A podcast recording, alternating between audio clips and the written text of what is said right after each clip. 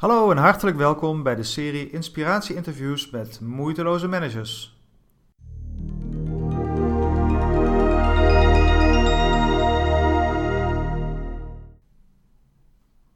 Mijn naam is Hessel Frings, coach en mentor van moeiteloze managers en hun teams. In iedere aflevering van deze reeks interviews stel ik je voor aan een echte moeiteloze manager. Een inspirerende persoon die er op een heel eigen en authentieke wijze in geslaagd is leiding te geven en invulling te geven aan het manager zijn. En vandaag spreek ik met Eduard Hogenboom van bol.com. Zo, goede, goedemiddag Eduard en uh, hartstikke fijn dat ik hier mocht uh, komen voor ons gesprek. Ik zit hier vandaag met uh, Eduard Hogenboom en we zitten bij bol.com in Utrecht. Eduard, misschien kun je je voor de luisteraar kort eens aan ons voorstellen, vertellen waar we zijn, wat je doet en ja, wat ons samenbrengt. Zal ik doen. Ehm, leuk dat je er bent en welkom bij, bij bol.com. Ehm, ik werk hier nu bijna zes jaar. Ik ben nu zes jaar weg bij KPN, waar wij twintig jaar geleden uh, nog allebei gewerkt hebben. Uh, ik heb daar twaalf jaar gewerkt en nu dus zes jaar bij bol.com. En voor KPN heb ik een eigen bedrijfje gehad. Dus ik schets wel eens bij andere mensen dat ik heel klein heb gehad. Enorm groot bij KPN en nu bij bol.com een soort veredeld MKB-bedrijf. Mm -hmm. Inmiddels is dat niet helemaal meer waar. Hè. Met, het is het 1700 man binnen bol.com. Uh, ben je gewoon een groot bedrijf natuurlijk. Ja, zeker, ja. Wij koesteren wel een beetje dat beeld. En ik zelf in ieder geval ook dat wij ja, een gebonden bedrijf zijn wat, uh, uh, waar mensen elkaar makkelijk weten te vinden. Ook mm -hmm. al is het inmiddels best wel een hoop mensen. Uh, ja, je bent op er ieder jaar ook nog steeds een hoop bij, hè? dus dat, dat blijft een uitdaging om dat, ja, om dat bedrijf te in blijven. Die, in die zes jaar dat ik er ben, uh, ik ben nog, was nummer 550 ongeveer. En dit jaar zullen we dan uh, 1800 of zo ongeveer uh, aanraken. Dus nou, tel maar uit hoe dat dan gegroeid is. Ja. En dat, dat gaat nog even zo door, hopelijk. Ja, want dat is wel de bedoeling om nog een slag verder te groeien. Ja, absoluut. niet zozeer in FTE, maar dat is meer een gevolg wat nodig is om de de omzetgroei waar te maken. Mm -hmm. um, maar wij, wij groeien, de business groeit ongeveer 30% per, uh, per jaar. En het personeelsbestand, ik weet het percentage niet, maar 15, 20 of zoiets dergelijks. Um, en omdat wij heel veel in huis uh, uh, doen, ik zou bijna zeggen bijna alles, uh, merk je dus ook dat alles wat je wil bouwen om later weer te groeien door mensen gemaakt wordt. Mm -hmm. Dus computers en servers misschien daar gelaten, maar bijvoorbeeld ook alle software, vrijwel alle software, die wordt hier in huis okay. uh, gemaakt. En, en ik zeg er altijd bij, de, de catering zijn ook gewoon Zo, in dienst. Collega's uh, van ja, ja, ja, en je krijgt er toch ander eten van en een leuker praatje bij ja, de kassa. Ja, ja, ja. En dat zegt iets over, over de cultuur van, uh, van bol.com ook. Ja, toen we hier naartoe liepen vanaf de receptie hadden we het al over. Dat, even kort, dat er zo ontzettend veel mensen werken dat je je ook wel eens afvraagt van wat doen ze allemaal om bij te dragen aan Ja. een simpel webshopje. ja. maar eh, kun je er iets meer over vertellen van wat voor disciplines heb je dan in huis en, eh, ook- en uiteindelijk ook van eh, waar jij zelf in dit hele plaatje past? Ja, ja dat, dat, eh, dat kan ik er nog natuurlijk wel bij vertellen. Eh, eh, in het dagelijks leven ben ik eh, Director Partner Management, eh, heet dat. Ehm, ik denk dat veel mensen ehm, eh, ons inmiddels ook wel kennen als een platformbedrijf. dus we Mhm. zijn klassiek een retailbedrijf dat inkoopt en verkoopt. Zo zijn we ooit met boeken begonnen en zijn we gaan uitbreiden. Ja. Ehm, en ergens een jaar of zeven, acht geleden, voor de tijd dat ik kwam, had men zoiets van ja, boeken, cd's, dat gaat vroeg of laat allemaal digitaliseren en die markten krimpen eh, ehm, op een gegeven moment. Mhm. Of groeien in ieder geval niet zo hard. En toen dacht men van ja, we hebben zo'n goede naam opgebouwd. Eh, en we zitten dan uiteindelijk in een krimpende business. Wat moeten we doen? We willen het webwinkelwarenhuis van de, de lage landen eh, worden. Eh, België hoorde daar dan ook bij, met Vlaanderen moet ik eigenlijk zeggen. Mhm. En toen had men zoiets van, ja, wij gebruiken, we willen onze goede naam gebruiken, die, die alle Nederlanders en heel veel Belgen kennen, om eigenlijk alles wat je online koopt bij ons te, aan te bieden. Mhm. Misschien geen food en fashion, echt mode hebben we nog maar eventjes daar gelaten, maar we hadden het idee van, we willen gewoon een groot warenhuis online worden. En dat hebben we ook gedaan. Hè. We zijn toen best wel snel categorieën gaan uitbreiden. Ja. Alleen heeft men ontdekt dat waar wij vroeger bij spreken in de boeken naar cd's, naar games, naar speelgoed, deed men één categorie per drie jaar. En toen wilde men opeens drie categorieën per jaar uitbreiden in markten die we helemaal niet zo heel goed kenden. En waar je boeken, eh, bij wijze van spreken met tien leveranciers, naar alle Nederlandstalige en Engelstalige boeken zo ongeveer te pakken hebt, miljoenen. overzichtelijk, hè? Ja. Ehm, als je dan naar huis en tuin gaat, wat een van onze hoofdclusters, categorieën kun je het ook noemen, eh, is. Ja, dat huis en tuin, dat klinkt als een markt, maar daar zit gigantisch veel in. Je hebt doe het zelf erin, tuinmeubelen, Ja, ja, ja. theedoekjes, noem het allemaal maar op. Dus dat is vele malen gefragmenteerder dan wat wij kenden vanuit onze traditionele business. Is En een dus- beetje alsof je de bijkoff binnenloopt en, en dan heb je de, de boekenafdeling. Dat is tegenwoordig nog niet eens meer als een hoekje meestal. Ja, hè? ja. En dan de rest van het, eh, van het hele warenhuis. Of je dat er ineens bij wil, eh, wil nemen. Ja, en met het idee, hè, dat ik, ik praat dus over, over 7, 8 jaar geleden, ehm, dat we het snel moesten doen, omdat we toen nog momentum hadden. Maar de wereld stond niet stil. E-commerce was zich heel erg aan het ontwikkelen. eh, ehm, grote internationale spelers dienden zich al aan. Dus we hadden ook zoiets, ja, als wij die goede naam in Nederland willen gebruiken voor dat webwinkelwarenhuis, dan moeten we ook rap zijn. Mhm. Ehm, en als je dan van pak een beetje vier categorieën in vier jaar tijd naar 25 wil, dan, dan heb je dus wat te doen. En toen ontdekten we al vrij snel dat dus die nieuwe categorieën ook nog een stuk moeilijker waren dan wat wij kenden. Mhm. Deels door de fragmentatie aan de leverancierskant. Maar ook het koopproces van dat soort, van dat soort producten is anders dan boeken. Hè, boeken, daar zie je van die tegeltjes online. Ja, en dat is een ja, vrij ja, functioneel beslissingsproces. Ja, en je weet, Beetje je zoals het een- boek van binnen niet te zien vo- voordat je het koopt. Je, Exact. Je, je weet eigenlijk al van tevoren bijna... En elektronica ook. Hè. En televisie heeft wat specs. en Wat dan ook een vrij mannelijk beslissingsproces. Eh, ehm, zakelijk, weinig emotie. Terwijl als je naar meer eh, eh, huis en tuin en, en sportartikelen, dat soort dingen zijn we allemaal gegaan. Dat is een veel intuïtiever proces. Hè. Daar hebben we ook veel meer beleving in dat keuzeproces, waar oriëntatie een rol in speelt bij nodig. En dat is online.1 al een uitdaging. En laat staan voor een bedrijf wat, wat gevormd was op ja, boeken, cd's Ja, en elektronica. ja.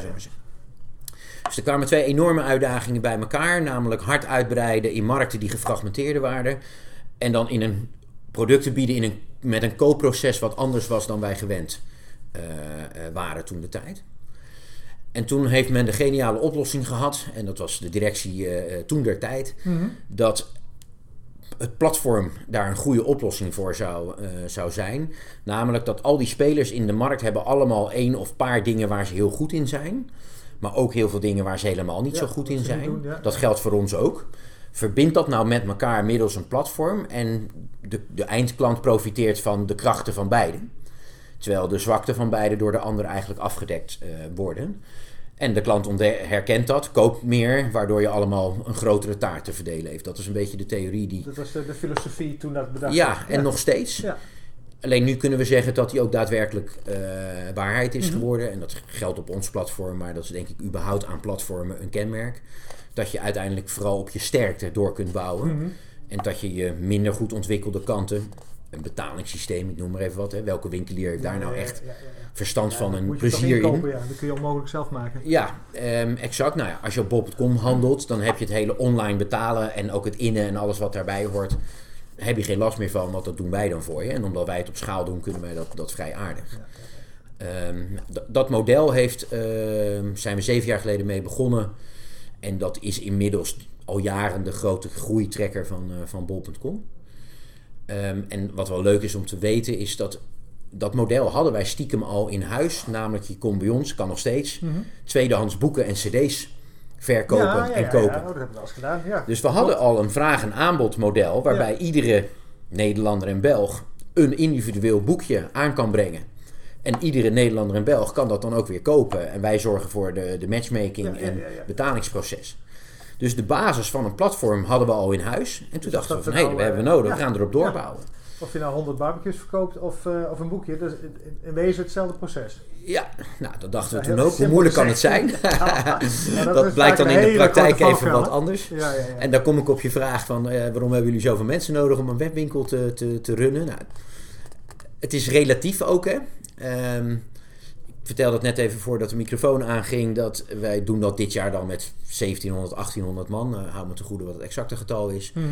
Met een omzet die ver boven de 2 miljard gaat. Want dat deden we verleden jaar, dus dit jaar eh, weer een stuk eroverheen. Als je dat op elkaar deelt, dan komt er een redelijk bedrag uit. Als je dat vergelijkt met retailspelers, die helaas eh, vaak nu eh, soms ook negatief in het nieuws zijn, Intertoy, Sissy Boy, Ja. dan zie je daar dat wij de omzet per medewerker, dat dat heel, heel aardig uitpakt. Dus op een of andere manier klopt dat dan wel weer. Mhm. Ehm, dan nog is 1800 man om een website en een achterkant te runnen best, best een hoop. Ehm, laat me grof schetsen, dat was je vraag eh, Ja, volgens ja, mij, precies. wat Ik- dan zo ongeveer hè, we, we, rijden hier zo langs de A12, zie je wel het gebouw aan de buitenkant. Maar dat, ja, om een klein eh, blikje in de keuken, hè, jezelf, we, maken heel veel dingen zelf. Eh, nou, wat voor, wat voor clubjes? Laat ik daar eens mee beginnen. Ik wil niet zeggen dat we een, een, een IT-bedrijf zijn, maar we ze- zijn zeker ook een IT-bedrijf. Mhm. In de zin dat, dat technologie toch echt wel de basis is waarop wij alles schoeien en maken en daarmee ook hebben kunnen worden wat we, wat we nu zijn. En ook een enorm waardering voor dat vak en de mensen die dat kunnen eh, hebben. Enorm verschil voor, voor wat ik destijds ook bij KPN eh, heb ervaren, hè, waarbij IT vanuit business gezien een heel andere discipline Een was. beetje achter in de rij, hè? En, en ja, een achterkantafdeling en, en, en moeilijk om mee, mee te praten en te werken. Ehm, ik wil niet zeggen dat hier altijd makkelijk is, maar omdat we IT, ik denk zomaar 400, 500 man, hè, ehm, eigenlijk in allemaal kleine teams hebben gehakt, wat dan inmiddels eh, eh, in de markt ook Scrum en Agile heet. Nou, dat doen we nu negen jaar, tien misschien.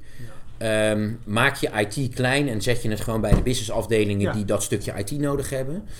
En dan is het niet opeens een IT'er, dan is het gewoon je collega die iets kan wat jij niet kan, namelijk een stuk software ontwikkelen wat je nodig hebt. En dat is een heel andere mindset om ernaar Ja, te kijken dan. ja. eh, ehm, plus ja, we zijn een online bedrijf, dus we hebben een hoop technologie ook nodig. Dus nou, daar heb je pak een beetje 30% van Ja. bedrijven al te pakken. Ja, ja, ja.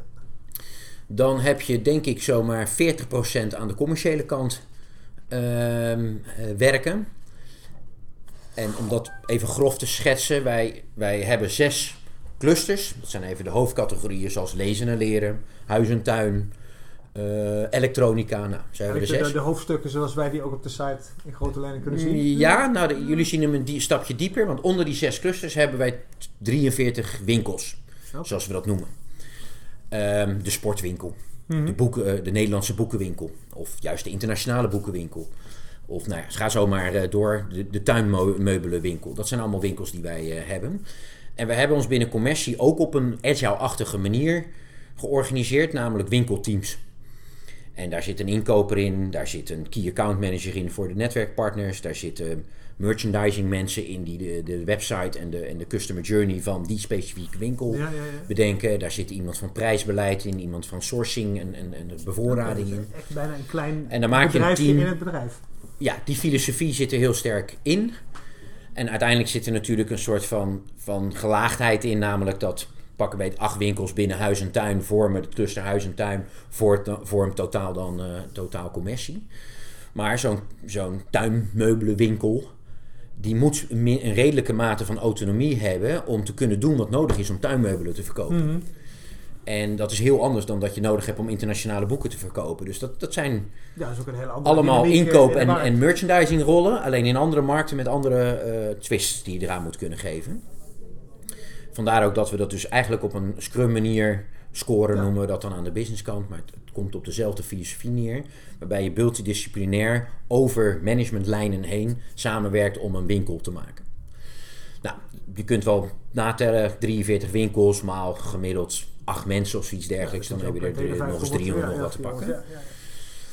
En naast die zes clusters hebben wij de afdeling partnermanagement. Daar, daar mag ik dan eh, leiding aan geven. En partnermanagement ligt er min of meer dwars over die clusters heen. Mhm. En wij zijn gericht op wat het woord eigenlijk zegt: op het helpen en ontwikkelen van partners die op ons platform handelen. Dus dat zijn vaak e-tailers, retailers, groothandelaren, eh, merken ook steeds meer die rechtstreeks via op ons platform ja, ja. handelen. Ehm, maar die hebben allerlei vragen, problemen, uitdagingen, eh, behoefte aan sparring. En steeds meer behoefte aan ja, hoe kan ik mijn conversie optimaliseren, hoe moet, moet, moet ik met mijn leeftijden omgaan, dat soort dingen. Nou, daar hebben wij allerlei typen mensen voor zitten die reactief ehm, kunnen helpen bij vragen en problemen. En proactief helpen bij wat moet je nou doen om, om, om meer te groeien Ja. op bol.com. Want dat En- is eigenlijk gewoon de win-win waar je bij, als, bij de partijen natuurlijk naar streeft. Hè? Dat Ja, en- voor, en- voor hun goed en voor jullie goed. En voor de klant goed. Ja, Eigenlijk die eerst. ja, En als je dingen doet die voor de klant goed gaan, dan ga je harder groeien. ja. Dus dat gaat uiteindelijk als een partner hier, hier zit. ehm, we hebben er denk ik 2000 gesprekken of zo per jaar. Dan gaat dat ook over wat moet je nou doen met je content zodat een klant je beter vindt. Mhm. Of dat een klant beter weet wat hij of zij koopt zodat hij minder vaak gaat retourneren. Dat hij maatvoering beter kan, kan inschatten. Of wat moet je nou doen om je leeftijden te verkorten? En hoe kunnen we jouw bedrijf daarbij helpen? Of kunnen wij jou helpen door jouw spullen bij ons in het warehouse neer te leggen? Nou, dat zijn dus hele diepe, concrete Ja, heel concreet. eh, ja, gesprekken die je dan met, met vaak ondernemers of, of eh, mensen, meestal bedrijven van enkele tientallen mensen, soms ook, ook minder. Waarmee hebben naast hun eigen kanaal, dat, hebben ze meestal beide in de lucht, denk ik. En ik denk dat de meeste hebben, hebben meerdere kanalen. Mhm. Ik denk de meeste ook bestonden al voordat bol.com bestond als platform. Ja, maar ik denk, dat we, hebben er 24.000 eh en counting. Dus daar zit een enorme verscheidenheid in. We hebben bijvoorbeeld echt klassieke retailers, middenstanders met 1, 2, 3 winkels. Nou, die komen meestal vanuit traditie en denken: hé, hey, ik moet ook wat met online. ja. En in mijn uppie gaan me dat niet lukken. Ehm, en dat is denk ik ook zo. Daar zijn wij een goede oplossing voor. En wij hebben weer enorm behoefte aan die, aan die winkelierservaring. Ehm, even als voorbeeld, hè, ik noemde net tuinmeubelen. Daar hebben wij dan een team van 10 man bij wijze van spreken op zitten.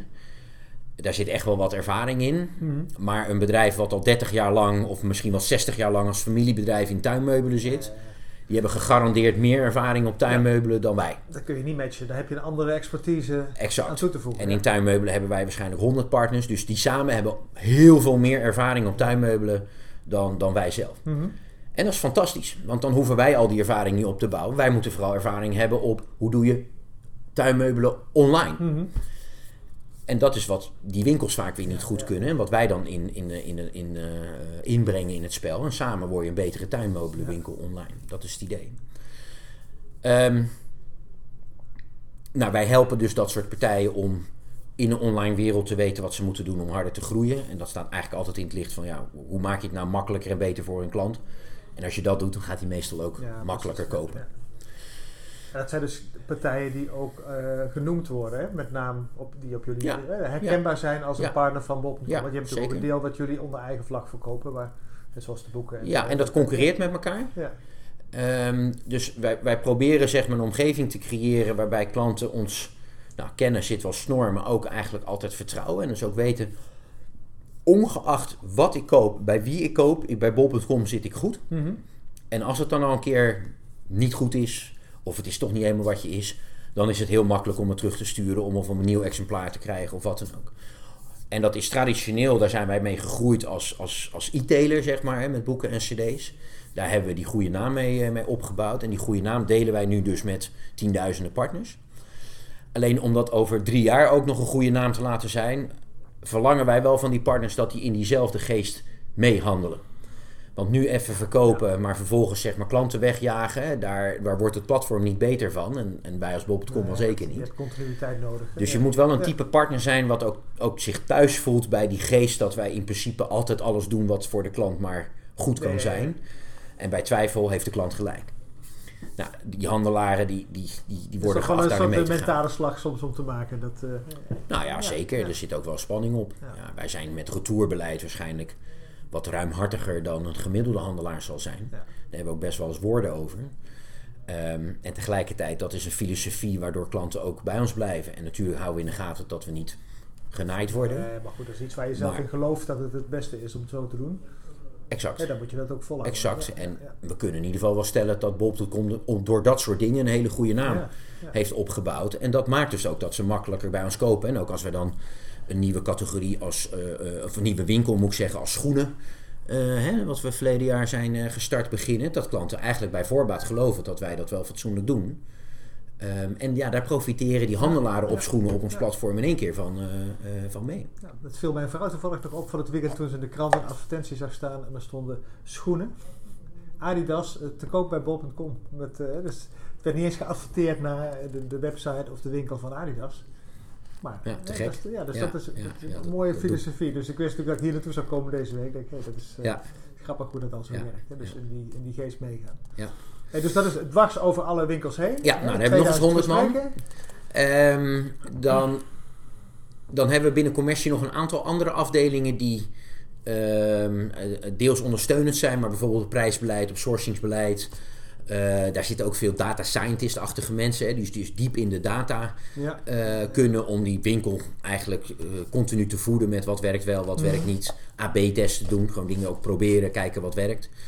Ehm, en als dat dan werkt, in de IT brengen om dat definitief Uit te voeren, ja. uit te voeren en in te bakken. Het is ook onze ambitie om dus eigenlijk continu tientallen AB-testen te hebben lopen. Om continu te zoeken naar wat, wat werkt voor de klant, wat werkt voor ons, wat werkt voor, uh, voor partners. Nou, dan hebben we nog een afdeling logistiek, uiteraard. Ehm, werken ook zomaar 150 man binnen het bedrijf. En wat ik niet genoemd heb, maar dat is qua uitvoering grotendeels uitbesteed. En dat varieert natuurlijk erg over het jaar. En ik weet dat getal niet, maar er zouden denk standaard zomaar duizend man kunnen werken. En in, in de Sint- en kerstperiode misschien wel 2000. Hou het. Met dat soort orde grootte heb je het over. En daarachter zit dan weer PostNL of andere verzenders die het bij de klant uh, zien te krijgen. Er zijn ook nog weer vele mensen. Maar goed, binnen het bedrijf dus zomaar 150 man.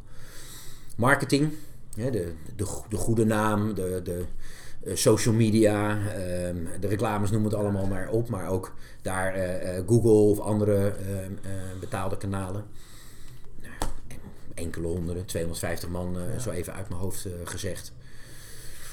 En dan heb je de hoofdafdelingen ja, wel te pakken. Nog wat, wat finance en totaal, ja, precies. Ja, ja, dan gaat dat natuurlijk best wel, uh, wel hard. Maar de kern zit hem dus, de grootste stukken zijn die 43 winkels maal 8 à 10 mensen plus IT. alle IT daar, uh, daarachter. Dat is, dat is wel de kern, denk ik, van, okay. van het bedrijf. En als we in, inzoomen in, in jouw clubje, clubje, ook een, ook een, een 100 man, zei je? Ja, ja. En daar zei je vooraf van het, het woord manager, dat roept natuurlijk deze tijden ook wel weer wat op. Hè? ja. Dat, dat, is ook de bedoeling natuurlijk. We lezen allemaal boeken hè, dat de laatste manager uh, binnenkort afscheid gaat nemen. Maar goed, de vraag is of dat gebeurt. Maar goed, zelf uh, ben je getooid met een net zo prachtige titel als director. Ja, super chic. Ja, um, maar uh, hoe ziet, ziet jouw directe werkomgeving eruit? Qua team, qua, ja. qua collega's? Misschien is het aardig om daar een klein stukje historie mee te, te nemen. Ik eh, ben dus ingestapt toen dat platformdenken eigenlijk net nou ja, uitgedokterd was. Of het begin was uitgedokterd. En ik stapte in op het moment dat dat, dat moest gaan, gaan groeien. Mhm. Toevallig uh, bij KPM Mobiel 20 jaar geleden ook op zo'nzelfde soort moment uh, ingestapt. En uh, ben begonnen als manager operations van, van, van het platform. Mhm. Vijf, zes man toen de tijd. En, en moest nog min of meer uitgevonden worden een tijd lekker van pionieren en gewoon ontdekken. Want we begonnen te groeien terwijl die processen nog helemaal niet goed werkten. Dus het was de winkel door, of de, de, achterkant doorontwikkelen terwijl, terwijl de winkel open was. Mhm. Ehm, nou, dat vond ik, vond ik heerlijk om te doen. Ook het werken in een groeicontext was weer ehm, echt een verademing, moet ik zeggen. Ik herkende dat dus van KPM Mobiel, pak een beetje 17 jaar toen geleden. Of, nee, nee, nee, 15 jaar geleden. Um, ja, toen het hele internet is, uh, allemaal ja, in opkomst was. Precies, groeien is, is een hele leuke context om in te werken. Omdat het heel erg vooruit uh, gericht is. Omdat er vaak ook wat meer mogelijkheden is. Ook ruimte voor mensen om hun ding in te kunnen uh, doen. Um, pak een bij 2,5 jaar gedaan. Toen waren we al gegroeid naar, ik denk, enkele honderden miljoenen platform. En een aardige club daarin opgebouwd. Die zich met betaalprocessen, met ordering, met retouren, met financiële afhandeling. Maar ook deels met met vragen en, en, en uitdagingen die partners bij ons aankaarten. En waar wij ja, dat ontstond eigenlijk van, eh, min of meer vanzelf. Ja, en door die harde, harde groei. We hebben jaren gekend dat we over de 100% groeiden met dat platform. En dat we echt met duizenden partners per jaar groeiden. En al die partners stellen vragen over, ja, hoe kan ik opstarten? Hoe kan dit? Hoe werkt dat? Of dit is stuk volgens mij, doe er wat aan, et cetera. En van enkele honderden belletjes, bij wijze van spreken, waar we amper een afdeling voor hadden, ging dat naar duizenden, tienduizenden. En we hadden er niks voor georganiseerd. Dus toen ben ik min of meer ehm, ja, spontaan, maar ook wel getriggerd door de praktijk. Ja, een soort organische ontwikkeling. Begonnen met nadenken van als dat nou doorgaat en we gaan naar tienduizenden partners, we gaan een heel groot platform hopelijk worden. En je gaat daardoor dus ook misschien wel over de honderdduizend vragen, lees cases, mhm. behandelen. Hoe ga je dat nou inrichten op een manier dat ondernemers of over het algemeen MKB-achtige bedrijven ook zich gehoord voelen. Mhm. Dat vergt een soort van callcenter plus-plus-achtige oplossing waarbij je moeilijkere materie, uh, diep op de inhoud, maar ook op een bol.com manier eigenlijk nog met elkaar kunt uitwisselen. Nou, daar is de afdeling Partner Service uit geboren. Okay. Is een kindje van de afdeling Operations waar je, waar je bij Ja, daar ben ik inderdaad uh, een soort spin-off zeg maar mee mhm. begonnen. En dat, dat, dat, dat is voor mij een van de allermooiste dingen aan bol.com. Dat weliswaar getriggerd door mijn werk um, kwam ik op dat idee met een paar mensen over gaan, gaan sparren. En eigenlijk naarmate we ermee bezig waren, werd dat groter en groter. Tot wij dachten van wow, hier moeten we een hele afdeling voor inrichten. We hebben wel 35 man nodig. Dit wordt nogal wat. En, en dan is Bol.com zo'n bedrijf waarbij je dan denkt, oké, werk het uit. Dat heeft een maandje of anderhalf natuurlijk ge- gekost. En natuurlijk probeer je een beetje ook draagvlak te krijgen. Maar in Mhm. principe ga je vrij snel dan ook met zo'n plan, in dit geval dan wel naar de directie toe. En legt het neer as it is. Ja. Uiteraard met een goede business case eronder. Uiteraard wordt er flink op geprikt. En dan is het ja of nee. Dan word je niet nog drie keer het bos ingestuurd met van zoek dit eens uit, zoek dat eens uit of Ja, ja, zus ja. of zo. Uiteraard vooropgesteld dat het een solide plan eh, ehm, eh, is, krijg je gewoon ook een beslissing. Mhm. En Mooi. dan krijg je een mandaat mee van oké, ga dat maar doen. Ga maar doen, dat is ja. 3,5 maand. Kerst moest er nog vanaf. Eh, en hier heb je 33 FTE om dat dan mee te gaan doen. Mhm. Deels moest nog geworven worden. Wou zeggen, die stonden nog niet klaar. Dat moest allemaal En nog- dat was, dat was zo'n verademing om te ervaren, ook ten opzichte van dan dat hele grote KPN. Mhm. Overigens vooropgesteld dat ik daar ook een hele fijne tijd heb gehad, maar de, de snelheid van beslissen ehm, en ook de wil om dan dingen te doen die best wel een beetje spannend zijn, die is hier, eh, eh, is hier groot. Maar dit is ook de, de MKB-manier, zou je kunnen zeggen, waarin beslissingen Ja. genomen worden. En daarom zei ik in het begin Ja, eh, dat, dat we onszelf nog steeds graag als een veredeld MKB-bedrijf zien. Dat je kunt gewoon nog veel sneller schakelen. En er zit altijd een stuk onzekerheid in. En dat heet ondernemerschap om daar dan overheen te stappen. En hier kun je redelijk ondernemend bezig zijn binnen de context van een groot bedrijf. Dat maakt je nog niet een ondernemer puur zang. Het maakt wel dat je heel veel van je, je, je, je energie en van je initiatiefrijkheid eh, kwijt kunt. En daar hele leuke dingen mee kan doen. En voor mij is dat dus partnerservice geworden. En nou, dat moet je dan uiteraard. Je krijgt zo'n mandaat mee en dan ben je ook heel erg opgebrand om dat dan ook supergoed Mhm. te doen. Eh, in dit geval is dat gelukt. Dus dat, door de groei van het platform is dat een afdeling van een man of, weet ik het, 65 geworden.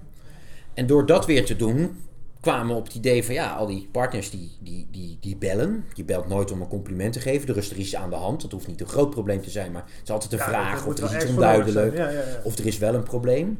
Nou, daar zetten wij hele goede mensen tegenover met brede en diepe kennis die ook echt wat kunnen doen. Allemaal HBO plus opgeleid personeel in bol.com ook. Daar hebben we echt bewust voor gekozen. Blijft het feit dat het negatief begint, of niet heel positief Mhm. begint. En dat je kunt nadenken over, ja, waarom is dat nou überhaupt een probleem? Waarom zijn onze processen en systemen niet beter en onze informatievoorziening Ja, niet beter? Dat die juiste dat die partner plakken. gewoon eh, zelf door kan zonder ons nodig te hebben. Dus nou, daar hebben we dan weer een clubje onder gehangen die zich met de schaalbaarheid van, van in dit geval partnerservice bezighoudt. En continu analyseert waar komen al die vragen vandaan. En dan de grotere logpaden eruit filtert. Mhm. En daar dan een directe lijn met de betreffende IT-afdeling mee heeft. Om van, ja, op content, we hebben zoveel vragen. ehm, op die, die manier zouden, zullen we dat weghalen. Ja. Of op logistiek of op retouren, whatever het onderwerp dan ook maar is. Mhm. Dus dan ben je weer bezig met een model die de HBO goed opgeleide mensen, die zet je steeds meer op de echt moeilijke vragen, op de wat uniekere vragen. Ja, die kun je niet wegautomatiseren. En je speelt tijd vrij door de iets meer standaard vragen waar volume in zit, weg te automatiseren.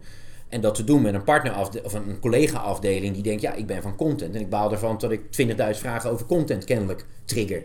Dan is mijn contentproces nog niet goed genoeg. Precies, daar moet daar Dus- worden, ja. Ja, dus we vinden elkaar ook weer in het feit dat je gewoon een heel goed product wil neerzetten. En in dit geval is dat voor mijn collega dan een contentproces waar partners goed mee kunnen werken.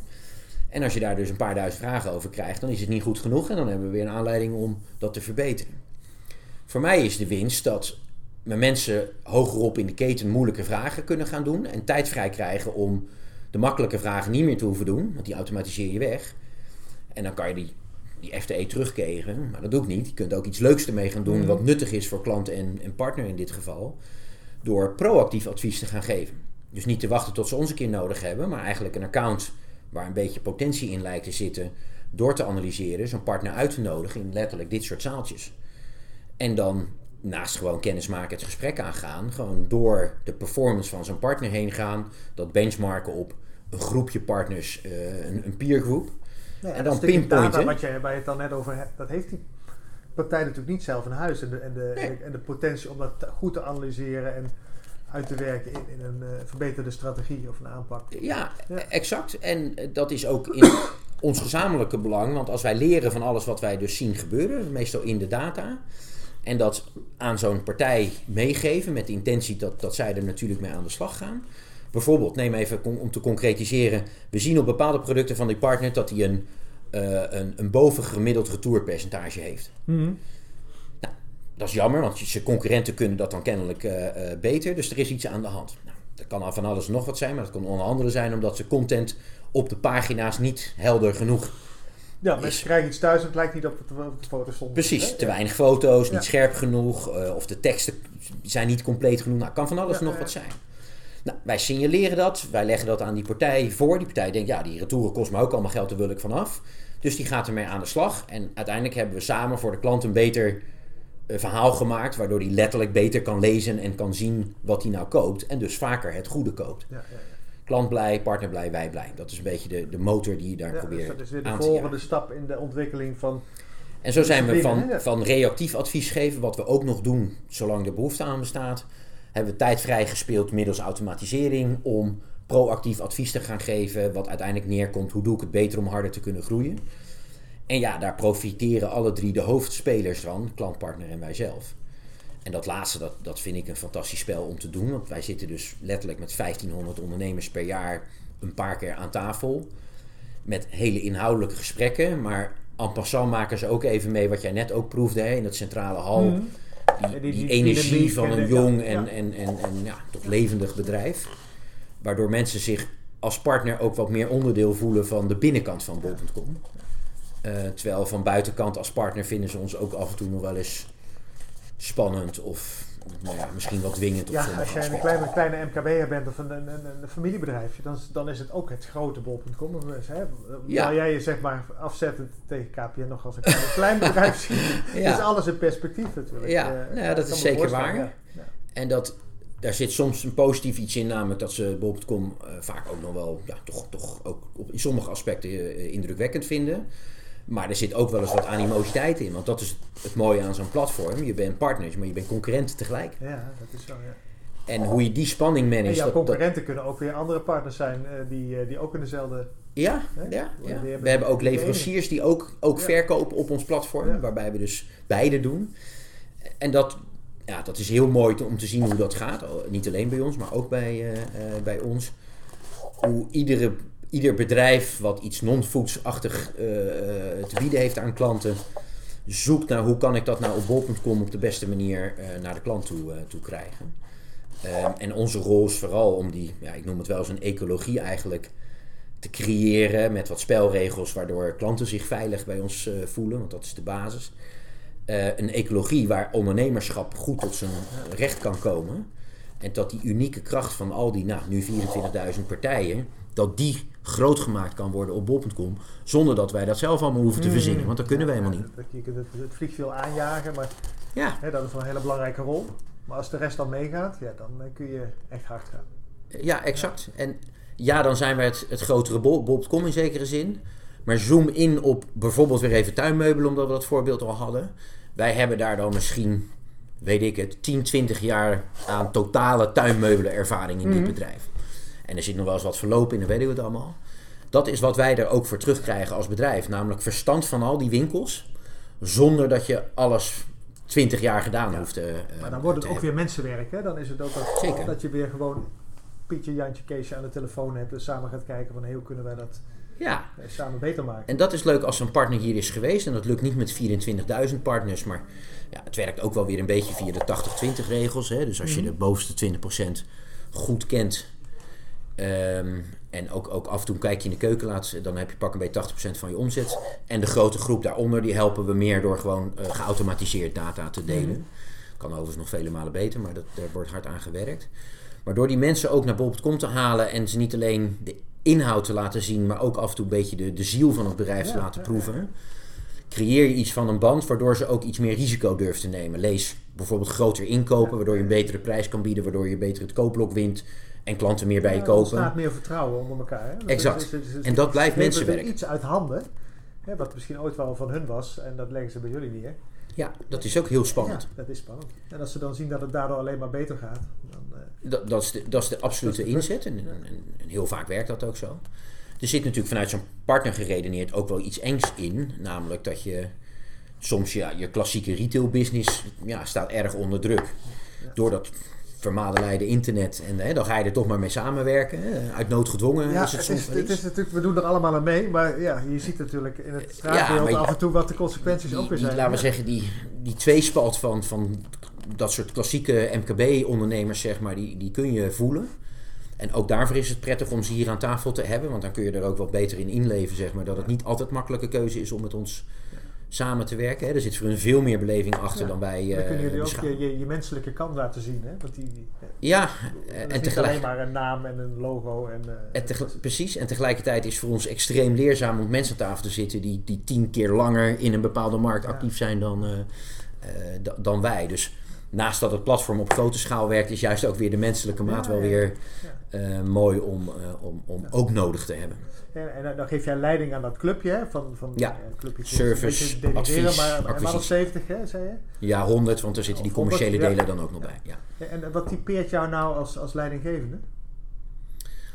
Ehm, Of hoe, hoe ik sta te boek en dat krijg ik ook terug, dus dat herhaal ik maar. Maar ik, ik, ik vind het zelf ook wel en ik vind het een, ehm, eh, een prettige rol opvatten als binnen de context van zo'n groot bedrijf dan, dan ondernemend bezig kunnen zijn. Ik ben Mhm. iemand die graag nieuwe dingen probeert, maar ook wel het lef heeft om het er doorheen te duwen dat we het, dat we het gaan doen. Ja, ja. En natuurlijk kun je nooit dingen helemaal alleen bepalen. Dat is ook niet de intentie.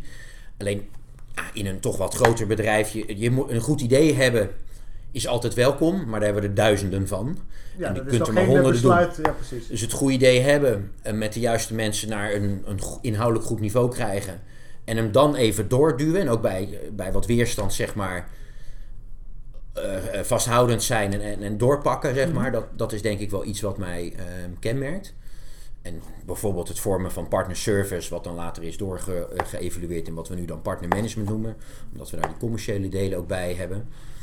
Nou, ik heb het met honderden mensen samen eh, gedaan. Ik, ik heb op gezette momenten het verschil kunnen maken om, om net dan even dat duwtje extra te Mhm. geven. Ehm, en, en een kleine anekdote, die, die, die is wel leuk. Hè? Ik heb dat plan om partner service te gaan ontwikkelen, heb ik samengemaakt met een ex-KPN'ster, die toen even in between jobs, eh, jobs zat. Heb haar, ik ken haar heel goed en, en uitgenodigd voor, joh, help mij nou, ik heb hulp nodig. Ja. En toen even als ZZP'er. Zij is door die paar maanden verliefd geworden op bol.com en is nu eh, director binnen logistiek. Ja, ja, ja, Dus dat was mooi. En, maar het allermooiste was dat we hadden dus op een gegeven moment een mooi plan. En ik was al een paar, 2,5 jaar was ik onderdeel van bol.com. Dus ik zei, oké, gaan we naar de directie. En zij keek me aan alsof ze vuur water zag branden. Van, ja, ja, maar dan moeten we toch eerst door dit gremium, dat gremium, bij iedereen op de koffie. Hè? Want dat waren wij gewend. Ja. Ik ook toen de tijd om... Als je iets gedaan wilde krijgen in zo'n heel groot bedrijf als KPN... dan moest je zes keer langs iedereen. En accepteren dat je drie keer langs de stuurgroep moest. Ja. En dan heb je eventueel misschien een kans dat het er doorheen zou, eh, zou komen. Ik chargeer, ik realiseer Nee, maar het ik me, ken het proces. En het, het is wel een beetje waar. We hadden het pak nog en alles wat je daaraan vooraf moest doen. Ja, exact. En hier was het gewoon, we hebben een goed idee. We hebben er met inhoudelijke mensen over nagedacht. Ehm, uiteraard, mijn direct leidinggevende stond erachter. En dan gaan we niet alle laagjes door, maar dit was een beslissing die overduidelijk naar de directie toe eh, moest door de grote. Ehm, dan ga je dus direct daar naartoe. En dan hoef je ook niet door zes hoepeltjes, dat vraag je gewoon aan, dan kom je op de agenda. Ehm, en we zijn er letterlijk één keer geweest. Half uur gekregen, het werd anderhalf uur. Maar we kwamen er wel met een beslissing uit en die was gelukkig positief. En dat was misschien voor haar nog wel de definitieve eye-opener. Dit bedrijf is echt Ja, ja, ja. anders. Hier wil ik werken. Ja. Ehm, en dat is een van de dingen dat als er dan een goed idee is wat eventjes doorgeduwd wordt tot aan de beslissing, ja, dan kan die ook gewoon vallen. En dan mag Mhm. je het vaak doen. En dat is wat voor mij dan ondernemerschap binnen een, Ja, een, ja, ja. een, een- de context van Maar dat was ook de- bedrijf. dat stuk van groei, hè? want het schiet ook de gedachte door mijn hoofd. van, dat, het klinkt alsof we jou ook niet op de winkel moeten laten passen. Er, er is natuurlijk wel een grote winkel, Ja, ja, maar- ja. maar er zit zoveel groei en ontwikkeling in op allerlei terreinen. Dus je zegt, we zijn, we zijn begonnen met een idee, eh, misschien wel zelfs uit noodzaak geboren. Hè? En als je ziet waar we nu staan, dan zijn we weer wat stationnetjes verder. Nou, het klopt dat dat het op de winkel passen ehm, iets minder in mijn karakter eh, zit. Dat is overigens bij veel bol.com het geval. Maar het is ergens ook wel weer... ik- het is extreem belangrijk. Hè? Want de- winkel van vandaag is waar we nu ons geld mee moeten die verdienen. Moet open, hè? En die moet altijd open blijven. Exact. Dus ik heb in de loop der jaren wel geleerd dat... ook al zit mijn eigen drijfveer daar niet primair... het is wel de basis waar mijn afdeling op draait. En ik doe, moet dus alles doen om dat in orde te krijgen. Ja. Alleen ik heb wel de keuze om mensen te vragen dat te doen die daar helemaal goed in zijn en die dat ook fantastisch kunnen. En voor hun is dat waarschijnlijk wel weer een stretch die, die ondernemend voor hun is. Terwijl het voor mij misschien nu, hè, bijvoorbeeld partner service, hè, dat staat nu drie jaar, kan op heel veel vlakken nog beter, maar het is echt een hele goede, solide afdeling, ook gewaardeerd door partners geworden. Nou, daar heb ik nu van gekozen. Ik zet er een eindverantwoordelijke manager onder mij op, Bibi. Ehm, zij kan daar echt de next steps ook weer in, in brengen. Dus voor haar biedt het weer heel veel context. Voor mij is dat een hoofdstuk waar ik heel trots op ben, waar ik nog steeds verantwoordelijk voor ben, maar da- dagelijks niet meer mee bezig hoef te zijn. Ja, En dus voor mezelf weer tijd vrij speel om eh, nou, meer dan, laten we zeggen, die commerciële groeikant op te kunnen. Ja, ja. En dan zo'n adviesafdeling, zo'n acquisitieafdeling neerzetten.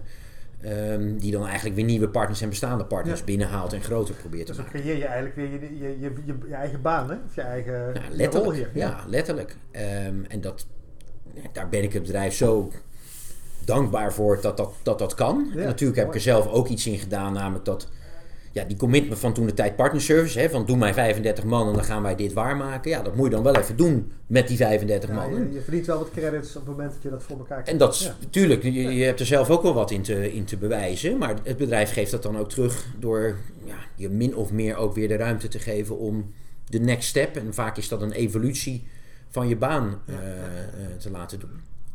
Heel veel mensen groeien in zeker. Je kunt hier vijf jaar in je baan zitten en bij wijze van spreken drie keer een nieuwe baan gedaan hebben. Omdat het groeit zo hard. Er komen zoveel nieuwe aspecten bij in die vijf jaar. Dat jouw baan van vijf jaar geleden ehm, totaal niet Ja. meer lijkt op eh, wat die dan nu is. Hey, dat, dat- het, het klinkt eigenlijk alsof het leidinggeven bijna een soort van eh, gevolg is van het ondernemerschap en het bouwen en het, het groeien van een afdeling. Eh, Is, is het iets wat je wel altijd geambieerd hebt ook te doen? Of is dat eh, min of meer vanzelf gegaan? Of hoe, Ja, nou ja, wanneer trof je jezelf als eerste, de, eerste werkdag dat je ineens leiding gaf aan mensen? Kun je dat herinneren? Wanneer oh ja, dat, dat weet ik nog. Ehm, dat was bij KPM Mobiel, waar ik toen dik twee jaar binnen was. Ooit in finance begonnen en toen ehm, in, in IT terechtgekomen als een soort van eh, hulpje van de IT-baas daar. Mhm. En toen ik dat een tijdje was, ben ik gevraagd van wil je af, eh, eh, manager worden van een BI-team binnen IT. Mhm. 27 jaar eh, was ik. Ik helemaal, helemaal, helemaal trots, want ja, leiding geven dat is iets waar je Ja, naartoe moest. hè, als, als management trainee was dat een soort van heilige graal. Ja. Werd gevraagd dat te doen en dan begin je daar dan, dan aan. Kennelijk herkende men wel iets van leidinggevende potentie in mij. Die, die, die potentie had ik denk ik ook wel. Mhm. En dan wordt gevraagd te doen. En toen werd ik leidinggevende van heel hoog opgeleide mensen met, met die- diep inhoudelijk niveau op BI-gebied. En ik kwam daar als simpele bedrijfskundige dan Ja, ja, ja. Als leidsman Dan van weet je van team. heel veel dingen een klein beetje. als 27-jarige van een team van een man of zeven, denk ik. Bijna allemaal ouder, volgens mij allemaal ouder. Veel ervarener. En in dat vakgebied oneindig veel wijzer dan ik. En nou, de eerste weken vond ik het geloof ik nog wel leuk, want toen leefde ik een beetje in mijn bubbel. Maar na, na twee maanden was ik diep en diep ongelukkig. Oh, ja. Ja. Nou, ik wilde uiteraard niet toegeven dat ik dit niet, dat dit nog niet helemaal mijn cup of tea was. Dus een aantal maanden doorgeploeterd. Totdat ik denk na een maand of vijf, zes eh, nou, echt, echt diep ongelukkig was. En Nee. Ehm, gewoon ook me geen raad wist van wat, wat was dat nou eigenlijk, die baan? Wat, wat werd ik geacht te doen? Dus je Ik had er geen flauw idee van. eh, Hup in het diepe gemikt. eh. Ja, zeker. En te eigenwijs ook om ook te erkennen dat je hulp nodig hebt... en dat je eigenlijk geen flauw idee hebt wat je nou moest doen. Mijn rolopvatting was toch, de manager is de slimste van, van het zooitje. Dus ik ging proberen de slimste te zijn op dat gebied BI. Nou, dat was kansloos natuurlijk. Hè. Dat heb ik weliswaar Achteraf zie je wel wat je gedaan Exact. hebt. hè? En ik, ik, op een gegeven moment had ik het zo moeilijk dat ik dan om een coach gevraagd eh, eh, heb. Hebben we ook gekregen met die coach.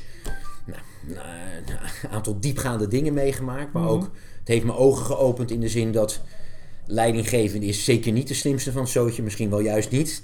Je moet iets anders toevoegen aan zo'n team.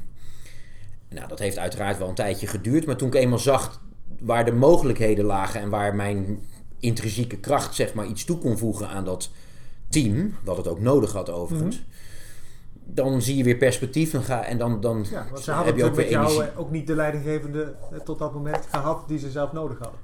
Nee, zeer zeker niet. Ook dat waren vaak inhoudelijk sterke mensen geweest. Alleen ja, dat team was inhoudelijk wel sterk, dat was het probleem niet. Waar het probleem, het team behoefte aan had, om het een beetje te concretiseren, was konden hele goede BI-oplossingen verzinnen, maar voor wie? Wie had er wat aan? Wie had er behoefte aan? Het leefde in een soort van bubbel. We maken mooie BI-dingen. Rapporten. in onze toren zitten we. Niemand gebruikte het, bij wijze van spreken. En de afdelingen finance en marketing die het nodig hadden, die wisten die afdeling amper te vinden en, en vonden het maar nou ja, iets wat moeilijke mensen om mee te praten. En daar kon ik wel wat mee. Ja. Want praten over, nou, als goed bedrijfskundige op meerdere gebieden, dat kon ik wel. Mensen verbinden aan elkaar en een gesprek wat wat moeizaam loopt een bepaalde kant op leiden, dat de win-win gevonden kon worden, dat kon ik ook wel. Mensen ehm, meenemen die het misschien eng vonden om met marketing te praten en dan samen dat gesprek aangaan en bij een soort leading by example, ehm, kon ik ook wel Ja, ja, ja. die marketeer het gevoel geven dat er mensen zaten die misschien wel drie keer slimmer waren en dingen konden maken die zij keihard nodig hadden. Dat breng je dan samen tot stand. En dan komt er iets op gang wat aanvankelijk elkaar een soort van niet kende of een soort van spanning voelde naar iets van hé, hey, we kunnen geniale dingen met elkaar doen. En mijn rol was om dat tot stand te brengen en, en te begeleiden tot. Ja, Je wordt veel meer de facilitator van, van het proces en het contact en de verbinding. En ja, dan en- dat je daar ga- leiding gaat geven. Hè? Letterlijk Ja, nou ja, dat zin. was mijn manier van leiding geven. En in die manier ook, ook mijn mensen kunnen laten zien. Van, ja, ik ging natuurlijk niet tot in oneindige mee naar marketing en naar finance. Dus op een gegeven moment, oké, ja, Piet, nu hebben we het nu drie keer gedaan. Nu moet je het zelf gaan doen. En dat is een variant van leiding geven, namelijk het, het voordoen, het meedoen en dan het zelf laten, laten doen. Ehm, en ook de weg vooruit, hè, zoeken naar de win-win. Dat is wel een soort rode draad die ik, die ik terug ben blijven eh, vinden in mijn loopbaan. Is denk ik ook een vorm van leiderschap. En, en dat, dat heb ik dan de laatste jaren. Ik heb toevallig eh, afgelopen eh, maart nog weer eens drie dagen in een soort management training met een, met een aantal van mijn collega's op de hei mogen doorbrengen. Heel veel tijd voor reflectie ehm, eh, op mezelf. En ook dat, heel bewust nagedacht over wat zijn nou elementen van leidinggeven waar ik goed in ben, waar ik ook energie bij voel, waar ik graag op door wil bouwen. Ja, En wat zijn elementen van leidinggevende waar ik energie op verlies, waar ik daar denk ik ook niet zo heel goed door ben. Waar ik lang aan gewerkt heb in de zin van, ja, ik moet daar ook goed in worden. ja, ja, bijspijkeren. Ja. En dat heb ik opgegeven met wel het besef dat het moet wel gebeuren. Mhm. Alleen kan het ook oplossen door iemand te vragen dat te doen Ja, ja. die er wel goed in is en een lol in heeft. En eh, mijn krachten laten richten op, op waar ik dan ook sterk in ben. Ja.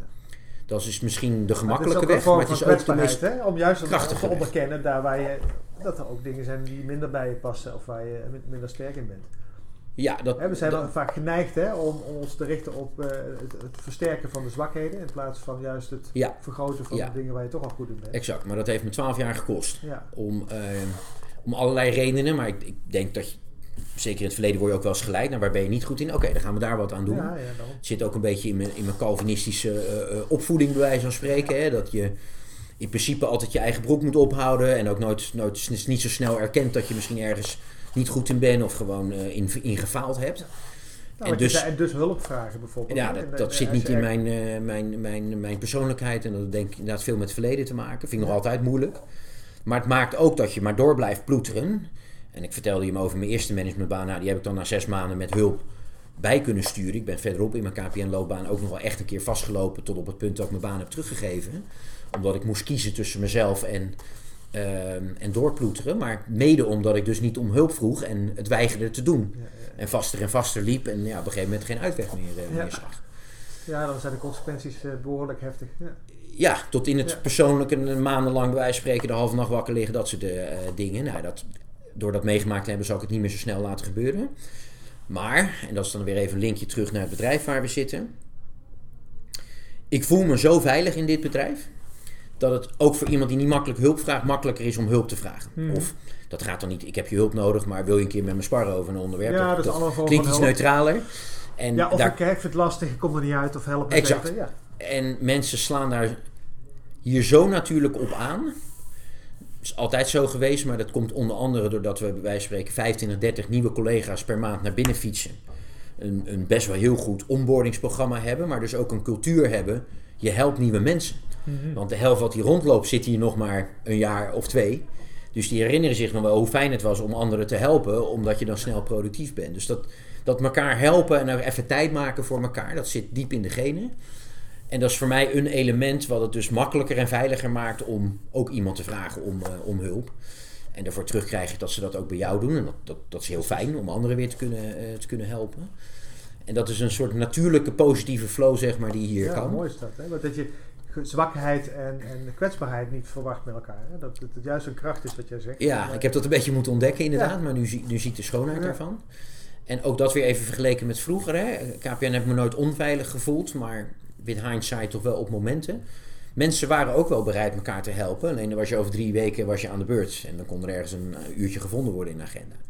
Ja, en dan was het niet Ja, meer nodig of wat dan ook. Dus manier.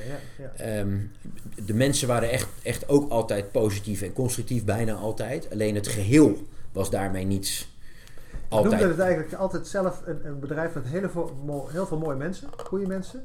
In een, in een soort van een, een ziekenhuis waar het niet helemaal klopt. Ja, ik, ja ik, eh, ik herken me daar wel eens in. Ja, dat, dat De zijn mijn woorden, hè, maar het- In- zo heb ik er vaak over gehad. Ook Inhoudelijk, individueel, extreem veel talent. Ik denk minstens zoveel als hier. Ja, Maar heel veel energie die er op een of andere manier op elkaar kapot botst. ja. Waar dat hier veel makkelijker de lijn naar voren vindt van oké, waar... Misschien zijn er wel dingen waar je elkaar niet op vindt. Maar laten we het hebben over de dingen waar je elkaar wel op vindt. Waar je Mhm. allebei wat te winnen hebt. En, en die voorwaarts gerichte energie, ja, dat, dat, daar heb je wat aan. Maar is ook eh, veel prettiger. Nou ja, en jij zei op een gegeven moment ook van we hebben duizend ideeën, ideeën we kunnen er maar honderd doen. Dus dat vraagt ook eh, een constructieve manier van omgaan met eh, conflict of verschillende keuzes of opties of besluitvorming. En zonder dat je elkaar daarin beschadigt. Ja. Dat je het vertrouwen hebt om te zeggen, joh, jij wil naar links, ik wil naar rechts, maar laten we even onderzoeken hoe we samen uiteindelijk een beslissing opnemen. Exact. En er kan hier echt met het mes op tafel gediscussieerd worden. Ja. maar met open vizier. Dus sterker nog, het is een soort verplichting. En nou, nou, daar mogen we elkaar nog wel meer in challengen. Maar je legt je kaarten op tafel. En, eh, en ja, you win some, you lose some. Meestal kom je er wel uit. Maar af en toe krijg je een keer niet je zin. Hè. Je kunt inderdaad, als je duizend ideeën hebt, kun je ze niet allemaal uitvoeren. Ja. Ehm, maar het, het, het, het, met open kaart spelen, zeg maar, dat is wel iets wat heel erg belangrijk is. En niet om mensen heen gaan proberen te werken. Dat, dat is iets waar je ehm, snel op vastloopt en waar je nou, echt snel mee moet stoppen, anders pas je niet goed in Ja. dit bedrijf. Nou ja, het, het klinkt ook wel eh, zo aantrekkelijk. Je zegt van nou, dat, dat trekt ook wel mensen aan. Hè? Maar zijn er dan ook mensen die zeggen van ik pas niet zo goed bij dit bedrijf? Eh, Het is, die, dan, die dan weer weggaan? Of die, eh, qua cultuur lijkt het me juist een hele aansprekende cult- cultuur Ja, waar je graag zou willen werken. Ik praat er uiteraard in. ik ben er heel erg positief en enthousiast Ja. over. Echt, ik, er is vrijwel geen dag dat ik met, met tegenzin naar het werk toe eh, ga.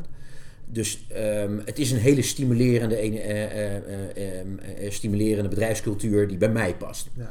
En, en eerlijk gezegd bij een hoop mensen past. Want wie houdt er nou niet van eerlijkheid, kaart op tafel, voorwaartsgerichte energie? Ik denk dat heel veel mensen zich daar ehm, wel, ja. wel bij aan zouden willen sluiten. Ehm, het gaat wel eens mis bij mensen die. die eh, er komen mensen van de gro- grootste bedrijven, banken, die kunnen, kunnen hier ook prima aarden. Maar als je toch een beetje een corporate mentaliteit opgebouwd hebt in de loop der jaren. en daar niet zo makkelijk van afkomt, dat gaat geheid mis. Hm. Eh, te formalistisch gaat geheid mis. Eh, een neiging tot. Ja, ik noem het maar even politiek, hè, maar toch beïnvloeding Ja, ja, ja, op onzichtbare de manieren en zo. Dat gaat mis. Dat, dat, dat, dat, ja, dat wordt hier gewoon zo niet gewaardeerd dat je eh, daar of heel snel mee moet stoppen of eh, het past gewoon niet. Ja. Ehm, Nou, eigenlijk zegt dat ook genoeg over wat jullie wel zijn, hè? wat jullie willen zijn als bedrijf. precies. De, de- de- uiteraard, iedereen heeft recht. Een, een bepaalde mate van openheid, zeg maar. ehm, eh, elkaar opzoeken daarin. Ehm, dat is wel waar je hier goed in kunt performen. Als je, de, als je wat introverter hebt en niet zo graag iets van, je, van jezelf laat zien, is het ietsje lastiger Mhm. om, om je hier wel te voelen. Maar goed, dat is ook allemaal weer relatief, omdat er zijn natuurlijk ook in dit bedrijf, ehm, het is iets wat gemakkelijk, maar toch even als voorbeeld. We hebben ook IT-mensen die, die extreem gefocust zijn op hun inhoud, communicatief misschien niet altijd even haantje de voorste Ja. zijn, gelukkig. Eh, en, en niet op ieder feestje bovenop de, de, de box staan te dansen, Nee, zeg maar. En die hier uitstekend poten, Die, die, die bestaat natuurlijk ook niet. Hè? En je zult misschien bij de wat meer commerciële afdelingen wat meer de extraverte mensen treffen. Het is stereotypen komen Ja. altijd wel ergens vandaan en kloppen wel een maar beetje. zolang maar- als je maar gerespecteerd wordt en geaccepteerd wordt in datgene wat je doet. Ja, exact. En het, het, het, de vrijheid hebben om ook wel gewoon jouw rol te vinden wat bij je past, zeg maar. Dat, dat, dat ehm, is ook wel hier onderdeel. Eh, dingen als ja, je, je- fouten ook bijvoorbeeld je falen niet toegeven of niet bespreekbaar maken, dat, dat, dat past hier ook minder goed. Nou, dat is voor mij dan weer een leerpuntje geweest Ja, ja, ja. bijvoorbeeld. Hè, dat. Ik heb daar een bloedhekel aan. Om überhaupt fouten te maken, laat staan om ze dan nog toe te geven en ervan te leren. Maar dat is wel iets wat dit bedrijf ook geleerd heeft, dat dat ook wel iets goeds in zich heeft. Nog steeds geen hobby, maar Ja, ja, maar Weet je, er gaan nou het zijn dingen mis. automatismes die je uiteindelijk, wat je zegt, dat heeft misschien wel met vroeger te maken. En eh, Ja. zo, zo ben ik eh, mijn leven lang opgegroeid. Om dat, dan een ander spoor daarin te nemen, dat vraagt natuurlijk wel weer wat van jou. Ja. Oh, hè, bewustwording en inzicht en leiderschap over jezelf. Van, hey, Ja. daar moet ik een aantal overtuigingen voor aan de kant zetten. Ja. Zodat ik daar weer verder kan. En nog element, één element wat me te binnen schiet is. ehm, wat hier niet zo goed werkt, is dat je eh, verwacht dat je leidinggevende wel bepaalt waar het allemaal naartoe ehm, ehm, gaat. Hè. Wij proberen echt oprecht beslissingen naar laag niveau te krijgen. Ehm, dat is relatief. Hè. Het voorbeeld wat ik net gaf over de vorming van partnerservice. Ja, dat was zo'n beslissing die zo groot was dat het wel Ja. naar directieniveau moest. Hè. Dus er zit wel iets van logica in wat op welk niveau besloten kan eh, worden. Ja. Maar we hebben een basisneiging, en dat maakt ook onze eh, huidige directie echt wel waar, om dingen in principe naar beneden toe te willen eh, hebben. Omdat daar de mensen verstand hebben van het onderwerp ter hand. En dat. Leidinggevenden in eerste instantie de rol hebben om te, te sparren, te coachen, te prikken, te duwen, te sleuren. Maar de beslissing bij de teams te laten. En een beetje afhankelijk van waar het dan over gaat, moet er af en toe ook nog iets formeels besloten worden. Zo- We blijven een bedrijf natuurlijk. Ehm, als je heel erg gewend bent om uiteindelijk gewoon iets altijd voor te leggen, dat, dan ga je ongelukkig worden, want dan krijg je te veel vrijheid. En als dat niet bij je past, dan, dan verzuip je en dan word je daar. ehm, Ja, je moet het wel met elkaar Gestrest doen in verbinding. Ja. Ja, dus ook dat kan nog een element zijn. Maar voor de rest is het denk ik een hele. eh, een, een cultuur waar je over het algemeen makkelijk in thuis kunt, Ja. kunt voelen. Die stimulerend werkt voor de kwaliteiten die, die je hebt. Ja, wat mooi. Ik denk dat we gezien de tijd langzaam naar een afronding eh, moeten Ja, gaan. Eduard. Ik, eh, ik heb geen idee hoe lang we bezig zijn, maar ik heb ook het gevoel dat we rustig nog een uur of eh, nog veel langer door kunnen praten. Absoluut. Je hebt in je verhaal al eh, behoorlijk wat tips en adviezen, eigenlijk ook voor de luisteraar of startende managers of managers in een verandering, zo meegegeven. Maar wat, heb, je, heb jij zelf een soort van gouden tip of filosofie waarvan je zegt van nou, dit is iets wat ik graag aan een ander meegeef en dat wil ik nog kwijt? Misschien een moeilijke vraag om te stellen. Ja, ehm, nou, ik, ik, grijp wel terug op wat we in het interview eh ter sprake hebben gehad. Maar ehm, ik heb een, een best wel lange route afgelegd om ehm, te ontdekken waar ik nou echt sterk in ben en waar ik energie van krijg en waar ik echt een verschil op kan maken. En om dat leidend te laten zijn in wat ik echt wil doen. En ik heb vrij lang me ook bezig gehouden met juist al die dingen waar ik niet zo goed in was. In het idee van ik wil een allround manager worden. Die bij spreken alles ehm, ehm, kan. En nou, denk ik ook, ook wel door gestimuleerd door, door omgeving en wat dan ook. En dan, dan word je een beetje een achtje. Het best word je een achtje in alles. Mhm. En dat is best oké. Maar waar ben je nou uniek goed in? Waar ben je nou een tien Ja. in? Hè? Dat is uiteindelijk denk ik toch waar je zakelijk gezien echt het verschil op maakt. Maar ook in je eigen beleving denk ik een verschil op maakt. Waarschijnlijk hebben die dingen waar je in potentie een tien in kunt zijn... ook veel meer plezier en, en ja, draai Als dat bij elkaar komt, dan heb je natuurlijk je, je, je doel wel gevonden. Dus ja. with hindsight zou ik graag willen dat ik eerder ook zelf had geleerd, maar ook misschien geholpen zou zijn in het sparren over waar zitten je unieke krachten en talenten en weet die nou te verbreden en te verdiepen en daar meer mee te doen. Dan om per se in dit geval, een, eh, even op mezelf betrekkende, een, een heel attent inlevende people manager te worden. Hè? Zonder mezelf nou als een botte hork neer, neer te zetten, maar dat is niet per se waar mijn allergrootste kracht zit. Dat wil niet zeggen dat ik er niet even aandacht voor moet hebben. En dat ik niet ook gewoon eh, graag eh, een, een, een, een, aardige, fijne vent ben voor mijn mensen. Mhm. Maar ik heb niet meer het streven om daar nou ultiem goede people manager zijn die op alle aspecten van eh, de goede coach kan zijn. Dat zit niet in me. Ja. Daar is mijn bereik. Ik kan me wel ontwikkelen. Ik kan een 7 worden. Maar de energie die daarin moet stoppen is onevenredig groot vergeleken met hoe kan ik nou van een 9 op een 10 worden en een veel grotere schaal impact maken. Nou, dat had ik best wel wat eerder willen leren. En dat zou ik degene die dit hoort aanraden om daar Ja. op zoek naar te gaan. En je doet het denk ik al heel aardig als je het in een jaar of vijf door hebt. Ja, want de ervaringen die je gaandeweg opdoet om tot dat inzicht te komen, ja, die heb je ook ergens nodig. Hè? ik, je, je, moet ergens tegenaan lopen vaak om je bewust te worden van hé, hey, dit werkt niet voor me en wat dan wel. Uh, en dat kan, kan, een stukje sneller. Ja, is, precies. ja, heel duidelijk. En ik, ik triggerde in het begin van het gesprek op het woord manager. Hè, dat, in mijn beleving daarvan, daar, daar, daar, dat wil ik eigenlijk niet zijn. Mhm. Ik heb heel veel met ondernemerschap. Maar ik ben ook weer zodanig. Ik ben geen ultieme ondernemer die altijd maar voor eigen rekening risico durft te ondernemen. Ik ken mijn grens daar ook. Dus mijn balans zit in een ondernemende manager zijn. En dus het, het, het leiding geven door te vernieuwen, te veranderen, dingen te durven. Dat is waar ik mijn balans heb gevonden. Wat ik in dit bedrijf heel veel uh, ruimte in krijg om te mogen doen. En waar ik mij dus ook heel prettig bij, uh, bij voel. Ik, nou, ik durf nu toe te geven dat ik wil geen manager zijn. Een ultieme ondernemer ben ik ook niet. Maar, daar, maar daarin heb ik een mix een die bij mij past. Ja, ja. Nou, hartstikke mooi om te horen. Eduard, hartelijk bedankt voor jouw uh, enthousiasmerende verhaal. Dankjewel, en, uh, fijn om te, te, mogen vertellen. Ja, en nou, wie weet tot ziens. Bedankt. Absoluut, dankjewel.